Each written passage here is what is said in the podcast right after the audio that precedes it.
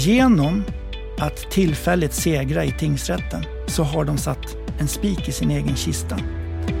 Eh, de har vunnit det här slaget, men det kommer flera. Och när de vinner det här slaget så har de redan nu förlorat hela kriget. För de kommer inte kunna fortsätta på det här sättet oavsett hur det går för förhandstecknarna framöver.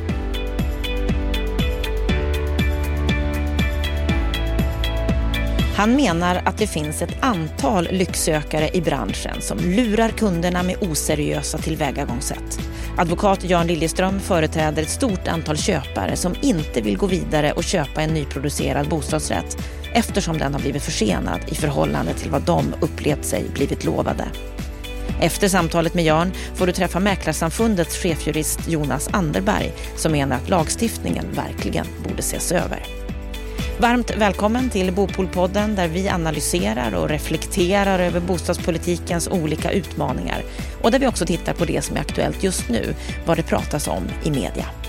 Jag heter Anna Bellman och om du gillar det vi gör så får du gärna sprida Bopolpodden till fler. Och om du vill ha kontakt så når du oss på podd bostadspolitik.se.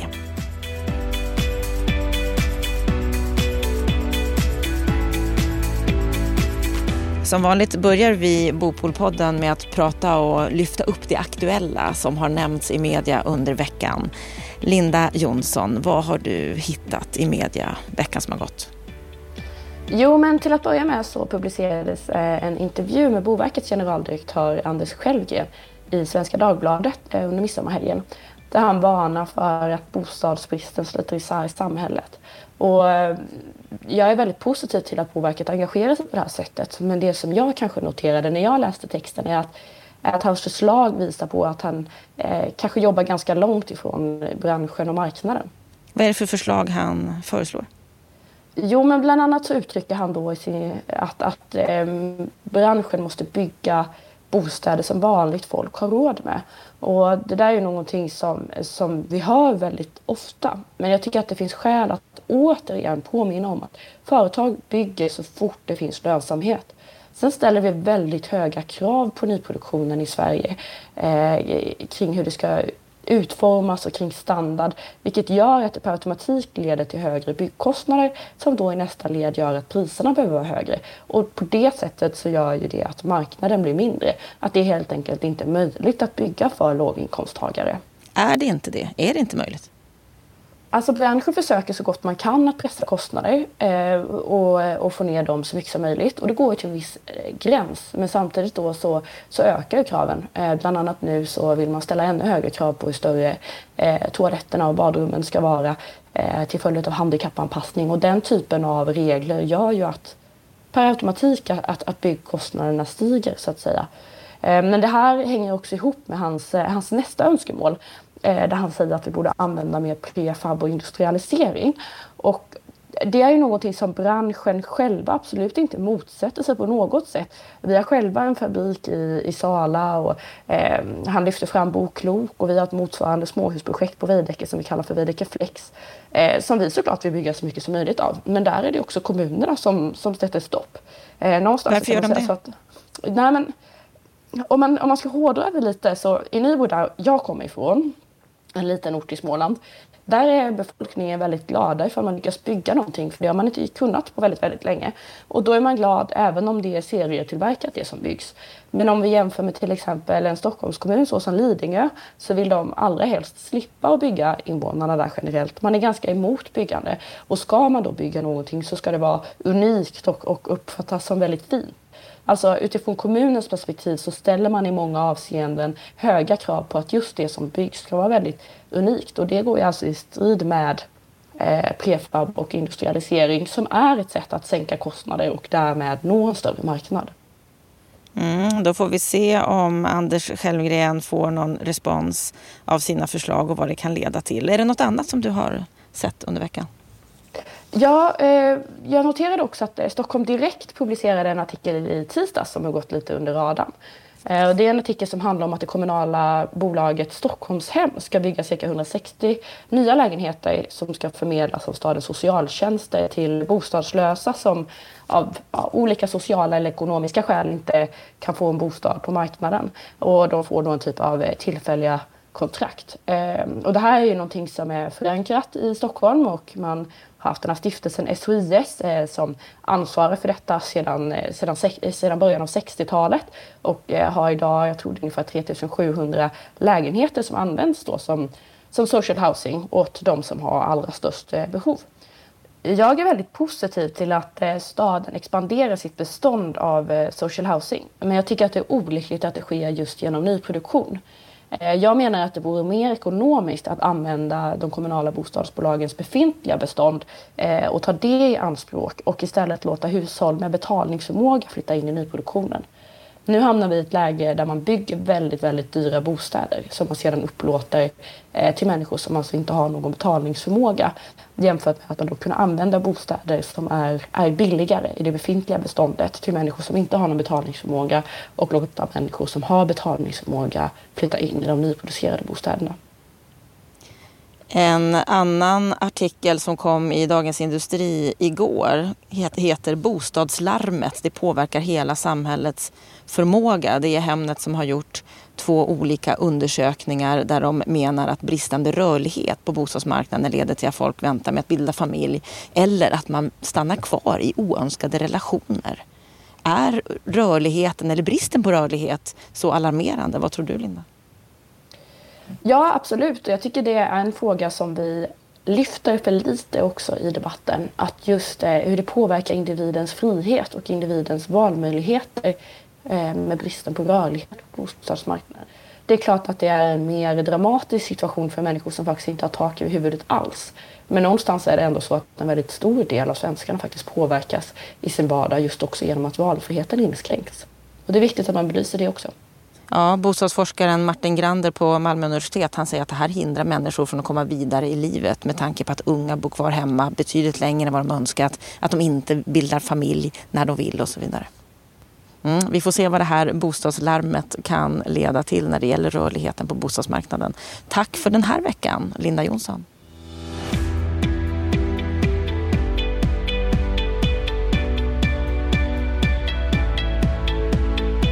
Om man som bostadsrättsköpare köper en lägenhet som ännu inte är byggd men som blir försenad ett par år mot den första prognosen, måste man då fullfölja sitt köp? Advokat Jan Liljeström företräder ett stort antal köpare som inte vill gå vidare och köpa en nyproducerad bostadsrätt. Och bland motparterna så finns bostadsrättsföreningar från flertalet av de större bostadsproducenterna. Han är en erfaren advokat som har jobbat länge med bostadsrättsbranschen, mestadels när det gäller tvistelösning. Och nu har han många privatpersoner som klienter i tvister som rör ogiltiga förhandsavtal eller frågor om hävningsrätt på grund av förseningar av bostadsprojekt. Och för en månad sedan så kom första domen, en hård dom. Varmt välkommen till Bopolpodden, Jörn Liljeström. Mm, tack så mycket. Hur är ditt sinnestillstånd idag? Ja, jag blev väldigt ledsen över den där domen. Ehm, och så tänker jag att ja, det är bara att kavla upp ärmarna och eh, fortsätta att eh, kämpa. Jag tycker att huvudfrågan är rätt klar. En producent ska inte kunna dröja eh, nästan hur länge som helst och ändå ska konsumenten, förhandstecknaren, vara bunden. Det är obalanserat och det är oskäligt. Mm, vi ska prata mer om det, men jag är lite nyfiken först på att höra hur kommer det sig att du har fokuserat på just bostadsrättsbranschen och blivit specialistadvokaten inom det? Eh, jag började en gång för länge sedan på HSB. Det var i mitten av 90-talet. Jag kom direkt från min tingstjänstgöring och så snubblade jag in på det. Och då Eh, sen dess har jag hanterat eh, tvister i de här frågorna. Eh, och sen får man eh, referenser. Folk säger gå till den här advokaten och då kommer det eh, folk.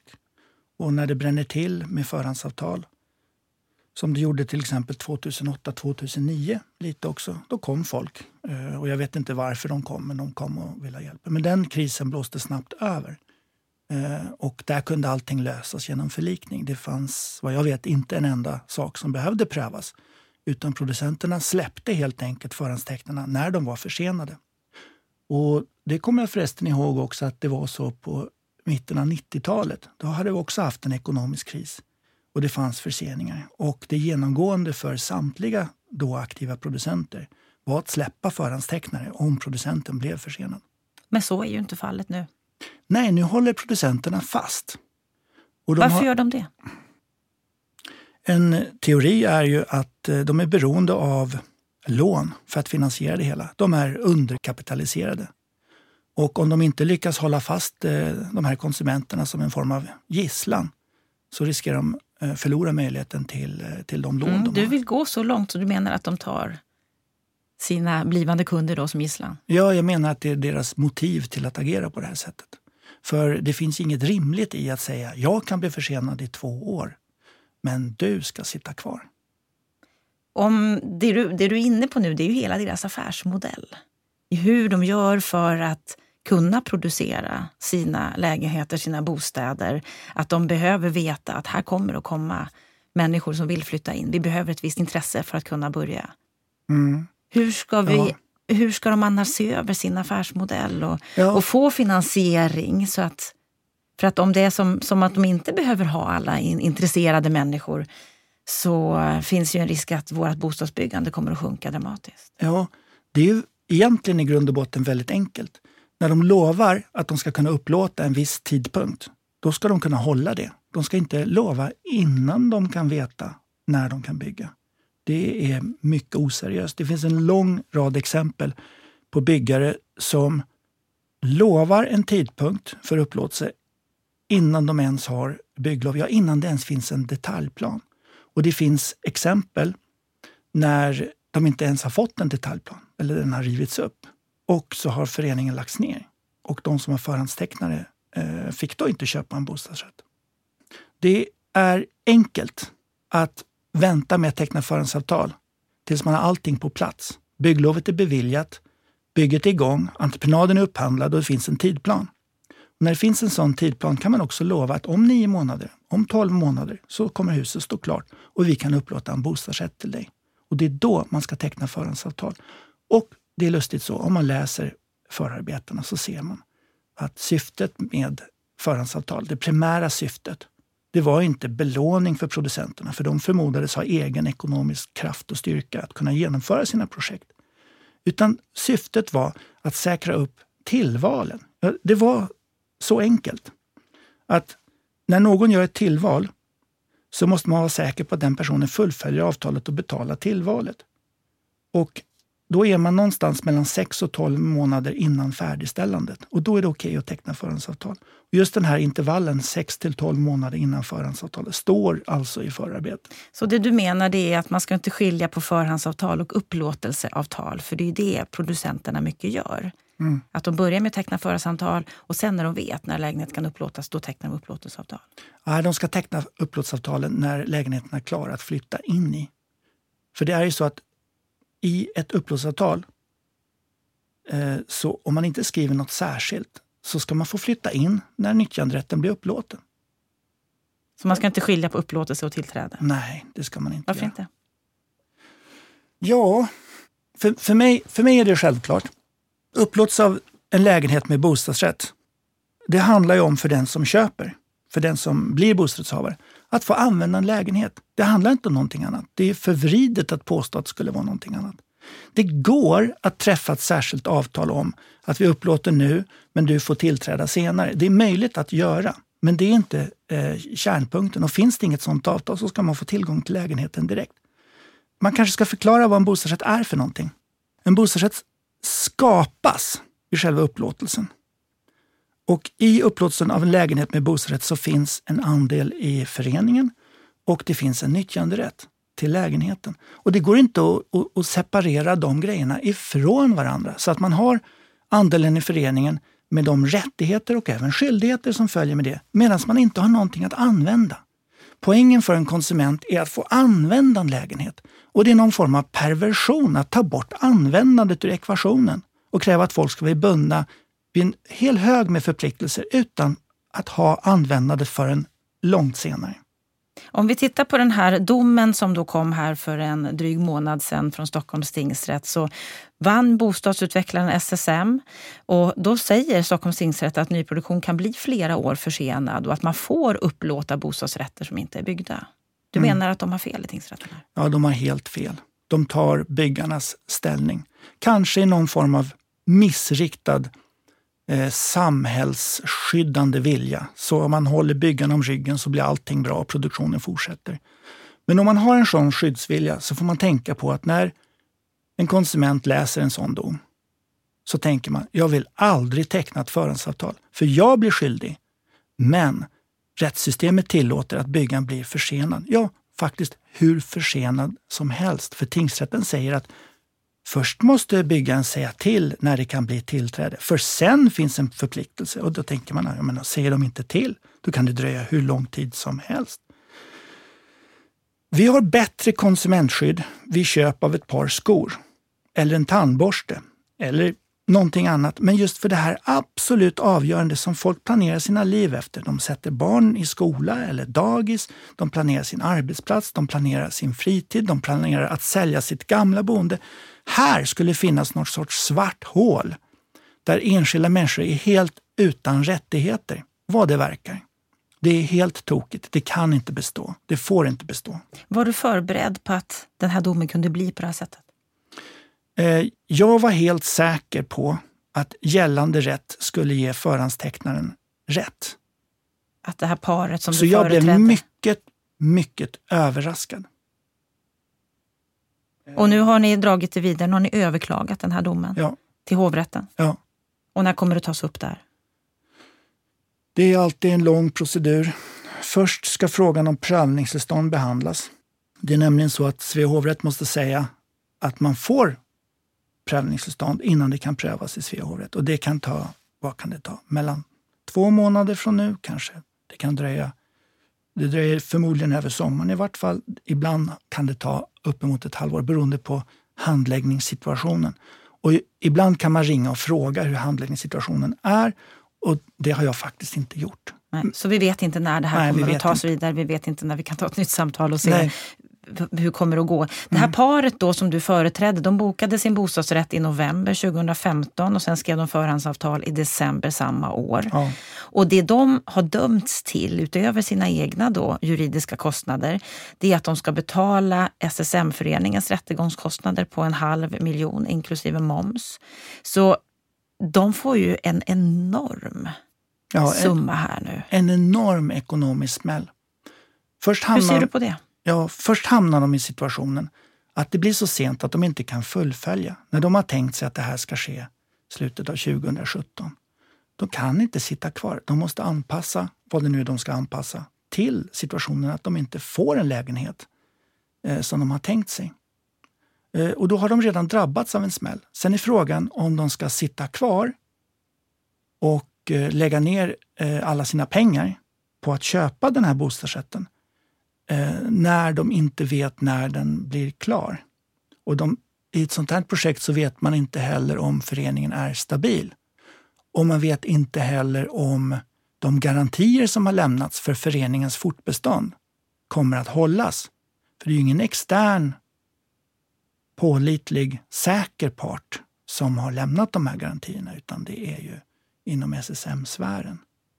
Och SSM-sfären är beroende av lån för att fullgöra sina förpliktelser. Och vad händer om det blir trassel? Kommer de fortsätta att få lån då? Så vi vet inte ens om den här föreningen kommer att bli så att säga lyckad och säker. Och i det läget, skulle de ha valt att fortsätta in i den okända framtid där lägenheten för övrigt fortfarande inte existerar. Den är fortfarande inte klar. Vi har alltså hunnit med en hel prövning utan att den är klar. Samtidigt som föreningen säger att den inte är försenad. Nej, för att de menar att de har rätt att ja, sätta att tillträde på det sätt som de vill. Ja. De vränger orden om man säger så. Är det inte lite väl saftigt att få privatpersoner till att driva en sån här process som sen de får betala så otroligt mycket för? Det här förvärrar ju deras situation. Jag tror inte att det förvärrar deras situation. Och man måste komma ihåg att människor fattar sina beslut på den information de har. Och om de exempelvis har tagit ställning till vi sitter inte kvar, vad har de för alternativ?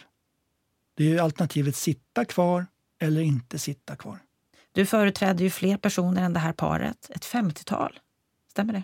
Eh, nej, det kan inte vara ett 50-tal. Det tror jag inte. Det finns, eh, det finns en annan advokat som nog har ett 50-tal. Mm. Men du företräder ändå många fler ja, än det här paret? Ja, dussintals, ja. Hur många kommer du att fortsätta driva och gå i process för? Eh, alla som vill att jag företräder dem kommer jag fortsätta att företräda. Tror du att det kan bli en annan dom i, i hovrätten? Eh, ja, det tror jag. När vi tittar på vad som har skrivits om den här domen och det som kom här i i mitten på juni så sägs det i artikeln att flera tunga bostadsrättsjurister länge har efterlyst prejudikat eller lagändringar. Att man menar att det saknas tillräckligt vägledande domar i Sverige om hur en delvis föråldrad och otydlig bostadsrättslag ska tolkas när det kommer till begrepp som just beräknad tidpunkt för upplåtelse eller tillträde av bostaden. Är det här det ligger mycket fel. Att lagen är föråldrad, att vi inte har en tillräckligt tydlig lag om vad som egentligen gäller på det här området. I den här domen så är det inte där problemet ligger. I den här domen är problemet att tingsrätten har inte följt vad som har uttryckts i lagen. Det står att man ska ange en beräknad tidpunkt för upplåtelsen. Och tingsrätten har godtagit eh, en tidsangivelse som saknar definierad början och saknar definierad slut. Så den som undertecknar det avtalet har ingen aning om när upplåtelsen kommer att ske. Och tingsrätten tycker att den skrivningen är i, sin ordning. Eller, det där var inte riktigt sant. Eh, två av tre domare tyckte att skrivningen var okej. Okay. De var en, inte helt överens. Men en skiljaktig menade att man kan inte säga att en sån här tidsangivelse som saknar en bestämd början och ett bestämt slut överhuvudtaget är en tidpunkt. Och den skiljaktiga meningen eh, följer lagens ordalydelse. Men du har tidigare sagt i en, en artikel här från i höstas att du tycker att Sverige saknar en tydlig lagstiftning ja, på det, det här området. Det finns, det finns andra frågor. Eh, det finns en hel del ordvrängeri från eh, föreningens sida. Man säger att en tidpunkt inte är en tidpunkt utan att det skulle vara någonting annat som kan vara mer vagt. Det är en form av vrängeri. Och där går det inte att göra lagen så mycket tydligare än att säga tidpunkt. Men det finns också andra, andra vrängerier. Eh, vi har exempelvis frågan om vad en upplåtelse är. Eh, föreningen och alla producenterna som är i process eh, vränger detta och säger att en upplåtelse det har absolut ingenting att göra med att använda lägenheten. Det är också ett vrängeri.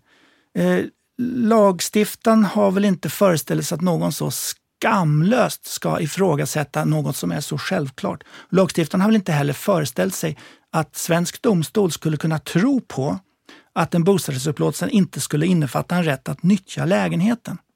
Det är fel och det är dumt och det är insiktslöst.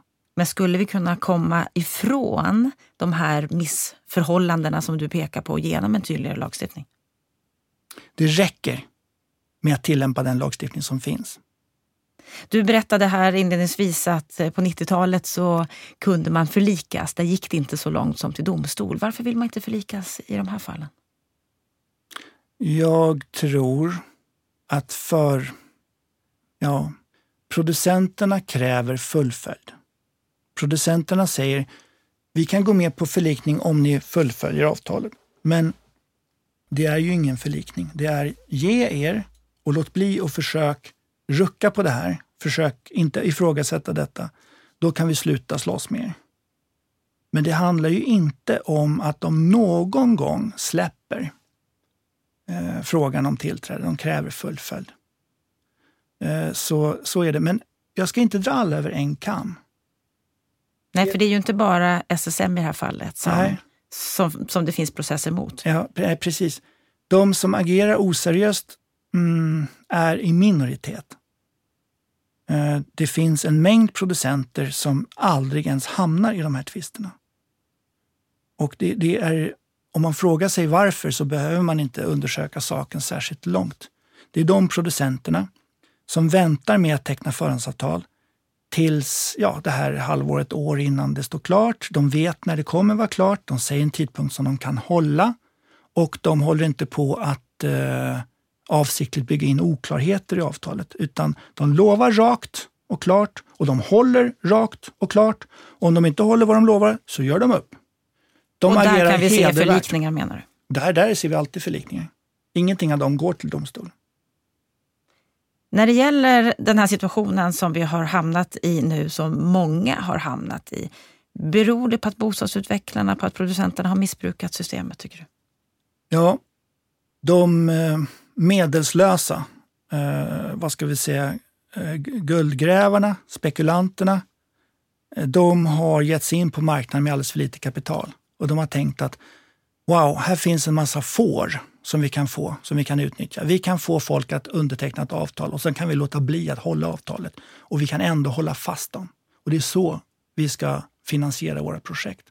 De som har den affärsplanen, deras tid är ute.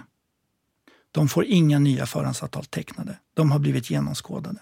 De håller ändå krampaktigt fast vid dessa processer och vägrar att ge sig. Men de är slut. Deras sätt att göra saker fungerar inte. Och man kan säga så här, att det är fruktansvärt med den förlust som förhandstecknare drabbas av i tingsrätten. Men en tingsrätt är bara en tingsrätt. Det är inte rättspraxis. Det är inte sista ordet som är sagt. Men för förhandstecknarna, som, förlåt, de som ännu inte har tecknat förhandsavtal och tittar sig omkring och tittar på att en aktör har agerat på det här sättet. Ja, de vill inte skriva kontrakt. De vill inte skriva förhandsavtal med den producenten. Det händer inte. Eh, det skulle vara någon som varit helt borta från nyhetsflödet i så fall. Så genom att tillfälligt segra i tingsrätten så har de satt en spik i sin egen kista. Eh, de har vunnit det här slaget, men det kommer flera. Och när de vinner det här slaget så har de redan nu förlorat hela kriget. För de kommer inte kunna fortsätta på det här sättet oavsett hur det går för förhandstecknarna framöver. Om vi tittar på det här på ett större perspektiv så har vi en situation i vårt land där bostadsbyggandet minskar men vi skulle behöva öka det. Vi behöver få bostäder som människor kan bo i. Mm. Släpp in de pålitliga. Släpp in de som skriver avtal som de håller sig till. Släpp in dem Finns som ger god information. Finns inte de redan på marknaden? Jo, men de får en större bit av marknaden om de oseriösa försvinner bort. Mycket av det här handlar ju om att återfå köparnas förtroende. För som du säger, många de har läst nyheterna och har sett mm. hur, hur, det har gått. Hur ska vi göra för att få en, en marknad i, i balans där det finns ett förtroende för systemet? Vad tror du? Ja, om jag var byggare så skulle jag göra som en del byggare faktiskt redan går ut med och säga vi väntar med att teckna förhandsavtal tills bygget är igång och vi kommer hålla vad vi lovar. Och så skriver de klara och tydliga avtal. Det är så man gör. Nu är det tyvärr så att de riktigt oseriösa som har lurat konsumenter, de har gett dåligt rykte för hela branschen. Och det är orättvist.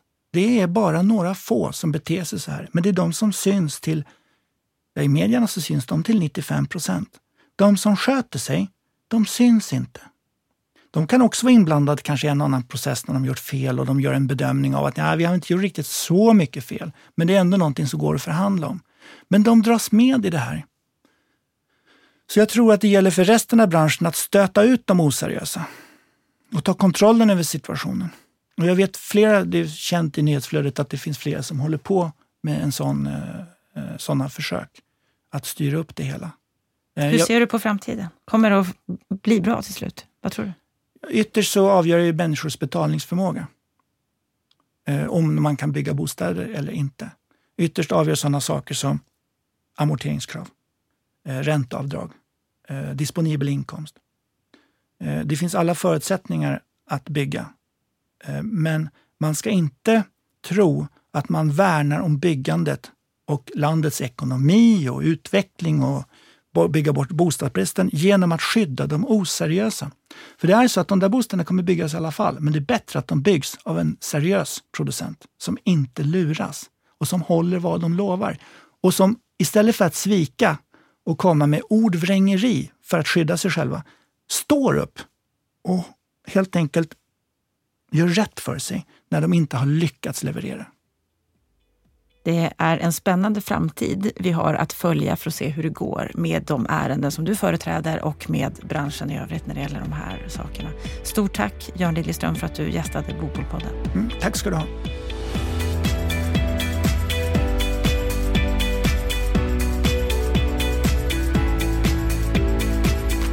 Varmt välkommen till Bopolpodden Jonas Anderberg, chefsjurist på Mäklarsamfundet. Tack så mycket. Vad säger du om samtalet med advokat Jörn Liljeström? Ja, jag kan väl säga som så att, att uh, han framställer ju det hela väldigt entydigt så som att allting vore klart. Uh, det är ju på det viset att det här är rättsfrågor som kommer att behöva prövas i domstol såvida då inte lagstiftaren skulle gå in och, och rätta till det som möjligen är fel. Vi har en väldigt gammal lagstiftning, 30 år gammal, som faktiskt inte entydigt klargör hur, hur man ska beräkna de här relevanta tidpunkterna som, som frågan om, om tvisterna rör här. Då. Och Jörn är väldigt övertygad här om att det räcker med den lagstiftning som finns, menar han på. Men du säger att den är föråldrad. Ja, jag vill nog påstå att, att tittar man på förarbetena och det är det också som domstolarna som har prövat det här har kommit fram till att det saknas entydiga besked i förarbeten och lagstiftning och praxis saknas och därför så kan man då tvingas göra tolkningar som, som eh, inte är lämpligt att man gör utan istället så bör nog lagstiftaren se över det här. Annars får vi vänta till Högsta domstolen har sagt sitt och eh, att det då möjligen leder fram till en ändrad lagstiftning på sikt. Mm. Nu har de ju överklagat tingsrättens dom till eh, hovrätten. Gör de rätt som överklagar tycker du?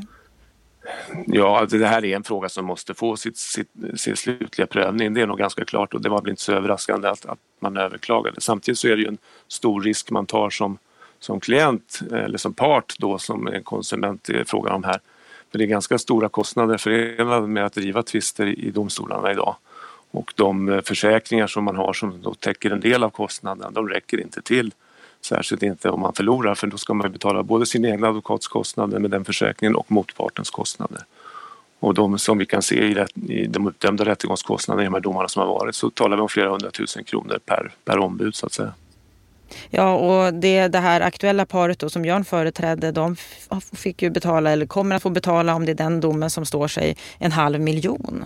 Det är otroligt mycket pengar för visst, en konsument. Visst, visst är det det. Så är det och dessutom så är det ju då kvar hela problematiken. En del av de här domarna som har rört de här frågorna om, om, om förhandsavtalens giltighet och, och eh, tidsförseningarna som föreningarna har, har drabbats av innebär ju också hot om, om skadestånd på grund av kontraktsbrott och då kommer de pengarna också till om man har brutit avtalet och inte fullföljt. Så det är inte bara rättegångskostnaderna man riskerar utan man blir sittande kanske med problem, problemet kvar plus de här jättekostnaderna. Vad skulle du säga om du fick beskriva den stora problematiken i det här läget vi är i nu, där ju konsumenten tar en jättestor risk? Ja, till att börja med ska man ju konstatera att, att problemet bygger ju på att, att du har en, en, situation när det gäller förvärv och nyproduktion som, som är väldigt svår att överblicka för den som ska gå in i ett sådant avtal. Det är ju det som, som pekas på i, i, i de här sammanhangen. Det vill säga att du ska bestämma dig för att köpa någonting för mycket stora pengar och du ska göra en stor omställning och du vet inte hur din ekonomi och dina förhållanden ser ut när du så småningom ska betala. Det är ett problem som, som man har försökt adressera med lagstiftningen men inte lyckats med och där har vi gjort olika försök i branschen att komma till rätta med det. Vi har bland annat själva tagit initiativ till något som vi kallar för runda bordsamtal där vi tar, samlar in företrädare för branschen och för en öppen dialog kring olika typer av problematik och det här har varit en av de frågorna som har varit uppe där. Även bostadsrättsorganisationerna och byggbolagen, de större byggbolagen har också tagit initiativ till det vi kallar för Trygg BRF som, som också tar sikte på en del av de här problemen. Det vill säga att definiera vad är en, till, en, en beräknad tidpunkt för upplåtelse till exempel. Hur, hur ska den definieras? Eh, där finns det ju då tyvärr avarter där, där det är väldigt stora spann till exempel. Där det är väldigt svårt att avgöra när blir det då frågan om att börja räkna den här tiden som, som, som ska krävas, att det ska ske inom skälig tid från den beräknade tidpunkten. Då. Och eh, det är klart att, att där behövs det klart, klarhet i, i, vad som gäller. Och det är det de här tvisterna kommer att handla om också. Har ni kommit fram till, till någonting när ni har haft era runda bordsamtal tycker du som leder åt rätt håll? Ja, jag tycker, dels har vi, har vi kunnat konstatera att det finns en, en samsyn kring att det här är ett problem som drabbar konsumenterna och det, det försöker vi, precis som de andra aktörerna som är med här, komma till rätta med. Vi har diskuterat då hur ska man kunna eh, agera för att, för att renodla det här och eh, tillsammans med, med dialogen med, med Trygg BRF så har man landat i att försöka ange ett mycket mindre, eh, alltså ett kortare intervall alternativt ett datum som man använder sig av, alltså man har en tidpunkt att utgå ifrån. Sen, sen, är det ju så att man måste också ta hänsyn till den andra sidan av processen och det är ju möjligheten att förutse hur lång tid en sån här process tar och den har ju blivit mycket mer komplex än den var då när man skrev lagen på 70-talet. En byggprocess idag ser ju mycket mer komplex ut än den gjorde då. Till det kommer kanske den stora eh, problematiken här och det är finansieringen av de här projekten som ju då bygger på, på banklån i stor utsträckning och där bankernas Eh, kreditgivning har, har skärpts betydligt i de här sammanhangen och man ställer krav på, på en bostadsrättsförening eller byggare att, att ha underlag för att kunna bevilja lån och inte, inte sällan ställer krav på ett visst antal tecknade förhandsavtal för att kunna gå vidare i projektet. Och då blir det ju den här situationen som uppstår. Sen finns det en annan sida av det här också som, som är värd att nämna och det är att, att eh, under den tid då bostadsrättspriserna ökade dramatiskt och det värdena av, av bostadsrättsmarknaden har, har, ökat så har ju också ett antal spekulanter dykt upp som, som spekulerar i att köpa bostadsrätter på, på ritning som det kallas för ibland och sen sälja innan man flyttar in. Och de har blivit ett problem i det här sammanhanget nu och är säkerligen en del av de klienter som nu försöker ta sig ur de här avtalen. De glömmer man gärna bort i den här diskussionen. Spekulativa också, köpare? Ja, där man alltså kan, kan teckna sig på ett förhandsavtal och räkna med att jag kan sälja den så fort den är upplåten och, och skära emellan stora pengar. Och sen nu när marknaden vek och man inte hade finansiering, ja då sitter man där med, med riskerna för stora skadestånd och försöker då ta sig ur avtalen. Så de är också en del i den här bild, totala bilden, ska jag säga, även om det naturligtvis är så att många andra har drabbats helt legitimt, det vill säga har kanske en villa som man ska sälja, priset har gått ner samtidigt som, som man ska fram med, med stora pengar, kanske inte har ett lånelöfte som täcker förvärvet eh, när man då ska tillträda och, och eh, har problem och och naturligtvis har svårt att fullfölja utan risk för stora eh, konsekvenser. Om, om vi ska titta på själva processen, hur det går till. Om, om, om jag som konsument vill, vill förvärva en lägenhet så tecknar jag först ett förhandsavtal och sen dröjer en stund när, när lägenheten produceras. Sen blir det upplåtelseavtal och därefter kommer tillträdet mm. av lägenheten. Det finns faktiskt till, till och med ytterligare en, en, ibland ett avtalsform som är lite grann av en, en kringgående av bostadsrättslagstiftningen. Många eh, byggare använder sig av det för reservations eller bokningsavtal som ett, ett ett avtal där, där, inte föreningen, för det får man inte göra som förening enligt lagen, utan däremot byggbolaget reserverar lägenheten innan man tecknar förhandsavtal. Eh, det där är en avtalsform som vi från Mäklarsamfundets sida har ifrågasatt både utåt och i samband med, med eh, genomgång av bostadsrättslagen där jag suttit med som, som eh, rättssakkunnig i utredningen om stärkt konsumentskydd för bostadsrättsmarknaden. Hur vanligt, hur vanligt är, är den formen? Den är ganska vanlig, framförallt bland mindre byggare. Men, men de större bolagen har börjat sluta med det och, och går direkt på förhandsavtal. Men det är ju då den, den form som lagstiftaren har tänkt sig att man ska använda. Först förhandsavtal och sen upplåtelseavtalet. Och här menar ju Jörn att man ska inte skilja på upplåtelse och tillträde. Hur ser du på det? Ja, det är en annan fråga och där kan man säga att tittar man på, på hur lagstiftningen utformas så, så framstår, framgår det ju där att det finns en skillnad mellan upplåtelsen och tillträdet. Även om det är ju som, som också sägs där i, i argumentationen att tanken har varit att det ska vara en kortare tid än det möjligen har blivit nu. När det gäller tillträdesdagen och beräknat tillträde så finns det inte något krav i lagen om att det ska anges på samma sätt som det gäller den beräknade tidpunkten för upplåtelsen. Och det gör att det finns ett visst spelrum naturligtvis att, att skilja dem åt längre än det har varit tänkt.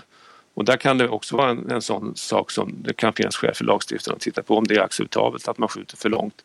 Å andra sidan jämför man med ett vanligt köp av en villa så är det ju vanligt att man skriver kontrakt och har tillträde långt senare, ett antal månader senare till exempel. Men inte flera år senare. Nej, men då kommer man ju oftast överens om det. Att ja, vi skriver visst. kontrakt nu och vi, vi tillträder. Det, det är tydligt vilket datum ja. det gäller till och med. Det brukar till och med stå i kontraktet vilket datum så, så är det ju. Och, och, det gör det ju även då i de här eh, avtalen när man använder sig av det. Då har man ju oftast en, en angiven tid tidpunkt för tillträde också trots att lagen inte kräver det. Men sen kan det då vara så att där tillåter man då kanske lite mer flexibilitet eftersom man då ska slutföra produktionen och eh, det ska vara färdigt för, för det, när man väl ska flytta in så ska ju bostadsrätten uppfylla de krav som ställs enligt, enligt eh, gängse norm på marknaden som man talar om i bostadsrättslagen. Då. Om, om vi tittar då på, på, konsumenterna som ju tar en stor risk i det här fallet. De har dels fått höga rättegångskostnader, det har blivit en ekonomisk katastrof för dem. Finns det ett behov här tycker du att stärka konsumentens ställning? Hur ska jag som konsument våga köpa lägenhet? Under ja, att, det fin- att det finns behov av att stärka konsumentens ställning när det gäller bostadsrätter överlag. Det är ju någonting som, som vi har varit, varit tydliga med att, att signalera om och också ledde fram till den utredning som, som satt här fram till 2017 som jag själv som sagt deltog i. Och det förslaget som lades fram innehöll en hel del förbättringar. Tyvärr har lagstiftaren inte valt att, att gå vidare med, med den utredningen i något alls avseende utan den har den har somnat in tyvärr. Nu, just den här problematiken var inte med i, i utredningsdirektivet och kommer därför inte att behandlas men en hel del andra aspekter där konsumentskyddet har varit försvagat. Framförallt kanske förmågan att, att ha insikt om hur att man köper in sig i en ekonomisk förening och att ekonomin i föreningen är en mycket viktig beståndsdel. Inte bara, det, alltså inte bara titta på hur lägenheten ser ut och vad det är för köksutrustning med mera utan att du faktiskt köper in det i en ekonomisk förening med, där du är tvungen att vara med och betala om det blir fördyringar eller man behöver renovera taket eller vad det nu kan vara frågan om. Att man har bristande förmåga att sätta sig in i vad det innebär att, att göra en sån investering och att det behövs förbättringar när det gäller konsumentinformationen kring detta. Och, och att man som sagt köper in sin ekonomisk förening med allt vad det innebär. Ja, för det handlar ju om att återfå köparnas förtroende lite grann efter allt detta som pågår nu när det gäller domarna? Ja, så, så kan man väl se det naturligtvis. Och det gäller ju att titta. Där gör ju då branschen, den seriösa delen av branschen, det nämner ju även Jörn i sin intervjun här att, att det här är ju inte alla vi talar om utan det är en, en liten del av, av branschen som, som eh, är inblandad i de här tvisterna. De stora byggbolagen har ju tagit egna ansvar för det här och som sagt det här initiativet med Trygg BRF är ett exempel på det där, där flera av de stora kända byggbolagen tillsammans har dels tagit fram en, en kvalitetssäkring som tar sikte på information om de ekonomiska förhållandena i föreningarna men också de här bitarna kring, kring definitionen av tidpunkt för upplåtelse och tidpunkt för, för, för tillträde. Hur tror du att eh, marknaden kommer att utvecklas framåt? Vad kommer vi se hända? Ja, det är det är, vi har ju som, som också har nämnts tidigare en, en, situation där vi behöver bygga fler bostäder och det vore ju naturligtvis jätteolyckligt om det här skulle innebära att produktionen stannar av. Eh, även om det nu då sägs eh, vara någonting som som är ett, ett större mål att, att ta hänsyn till än, än, än de här enskilda konsumenterna kan ha intresse av så, så får man ändå ha med det i bagaget. Och det kan vara så naturligtvis att lagstiftaren måste ta, ta hänsyn till att skapa bättre förutsättningar att bygga på ett, på ett billigare och bättre sätt för att kunna få ner priserna och, och samtidigt få, få ökad rörlighet i bostadsmarknaden. Det är någonting som är ett absolut nödvändighet för att det här ska kunna fungera på sikt. Och, och det är jätteviktigt att man verkligen kommer vidare med det. Då är ju att Kommer... titta även en hel del, del andra av, av eh, delarna i bostadsmarknaden.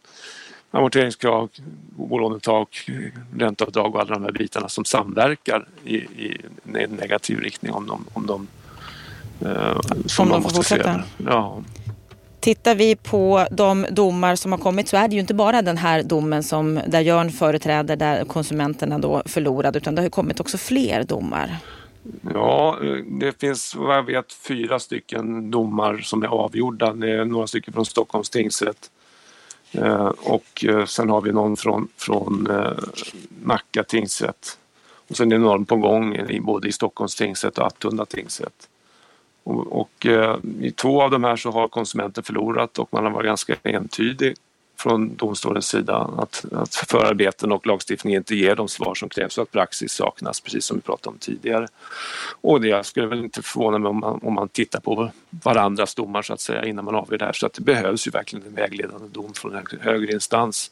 Så vi får ju avvakta utgången i, i hovrätten, bland annat i då Jörns dom här som, som är omtalad, men även de andra. Alla de här är överklagade ska ju tilläggas då från bägge håll. Sen finns det en, den allra första domen där konsumenten vann. Den överklagades till hovrätten men där förliktes parterna och den domen undanröjdes då. Så det var, det var en något märklig omgång kan man väl säga. Ovanligt på det sättet att man, att man gör på det viset. Men eh, det, det, är ganska tydligt att, att eh, de domar som avkunnats har, har sett ganska strängt på, på, på, på den, de synpunkter som har framförts eh, i det här aktuella målet nu då och bedömt det annorlunda. Och eh, det får vi se då om hovrätten kommer till en annan slutsats hur som helst är det viktigt att, att få ett prejudicerande avgörande. Kommer vi få se en ändrad lagstiftning tror du? Jag hoppas det, för att det finns ett behov. Eh, samtidigt så som sagt var signalerna från, från regeringens sida eller från, från lagstiftarens sida att man då låter en utredning sitta och jobba under ett drygt år med, med att ta fram förslag och sen inte ens adressera förslagen med, med någon form av ytterligare kommentar är ju lite, lite beklämmande i det avseendet, det får jag lov att säga. Känner du dig pessimistisk om framtiden? Nej, det får man inte säga. Det, det vore tråkigt. Vi, vi företräder ju en, en, en bransch som, som lever på, på eh, bostadsbyten och det är klart att det måste ske en förändring så att det här kommer att... Det är viktigt både för samhällsekonomin och för, som sagt, för rörligheten, för folks möjlighet att, att byta bostadsort om man byter arbete och så vidare. Det, det måste till en förändring och vi, vi måste vara positiva i det avseendet och hoppas att, att man kommer fram med, med förslag som leder till det. Mm, det måste till en förändring och vi måste tro på att det kommer ja, att bli absolut. en förändring också. Stort tack Jonas Anderberg för att du var med i Bopolpodden. Så Tack ska du ha. Om vi kommer att få en ny lagstiftning, om hovrätten kommer att döma annorlunda än tingsrätten, hur det kommer att gå för de konsumenter som inte vill gå vidare med sina köp. Ja, det kommer finnas anledning att följa utvecklingen i de här ärendena framöver. Bopolpodden kommer du att kunna höra hela sommaren. Våra expertkommentatorer de tar semester från att kommentera det aktuella och de samtal som vi gör, men samtalen tar inte semester. Under Almedalsveckan nästa vecka så kommer jag träffa ett gäng intressanta profiler. Så under hela sommaren kommer du att få ett nytt samtal att lyssna på varje vecka. Skönt va? Förutom nästa vecka då. För då ska våra experter göra en sammanfattning av det mest intressanta som de kunnat snappa upp under Almedalsveckan. Så vi hörs då. Ha en riktigt bra vecka till dess.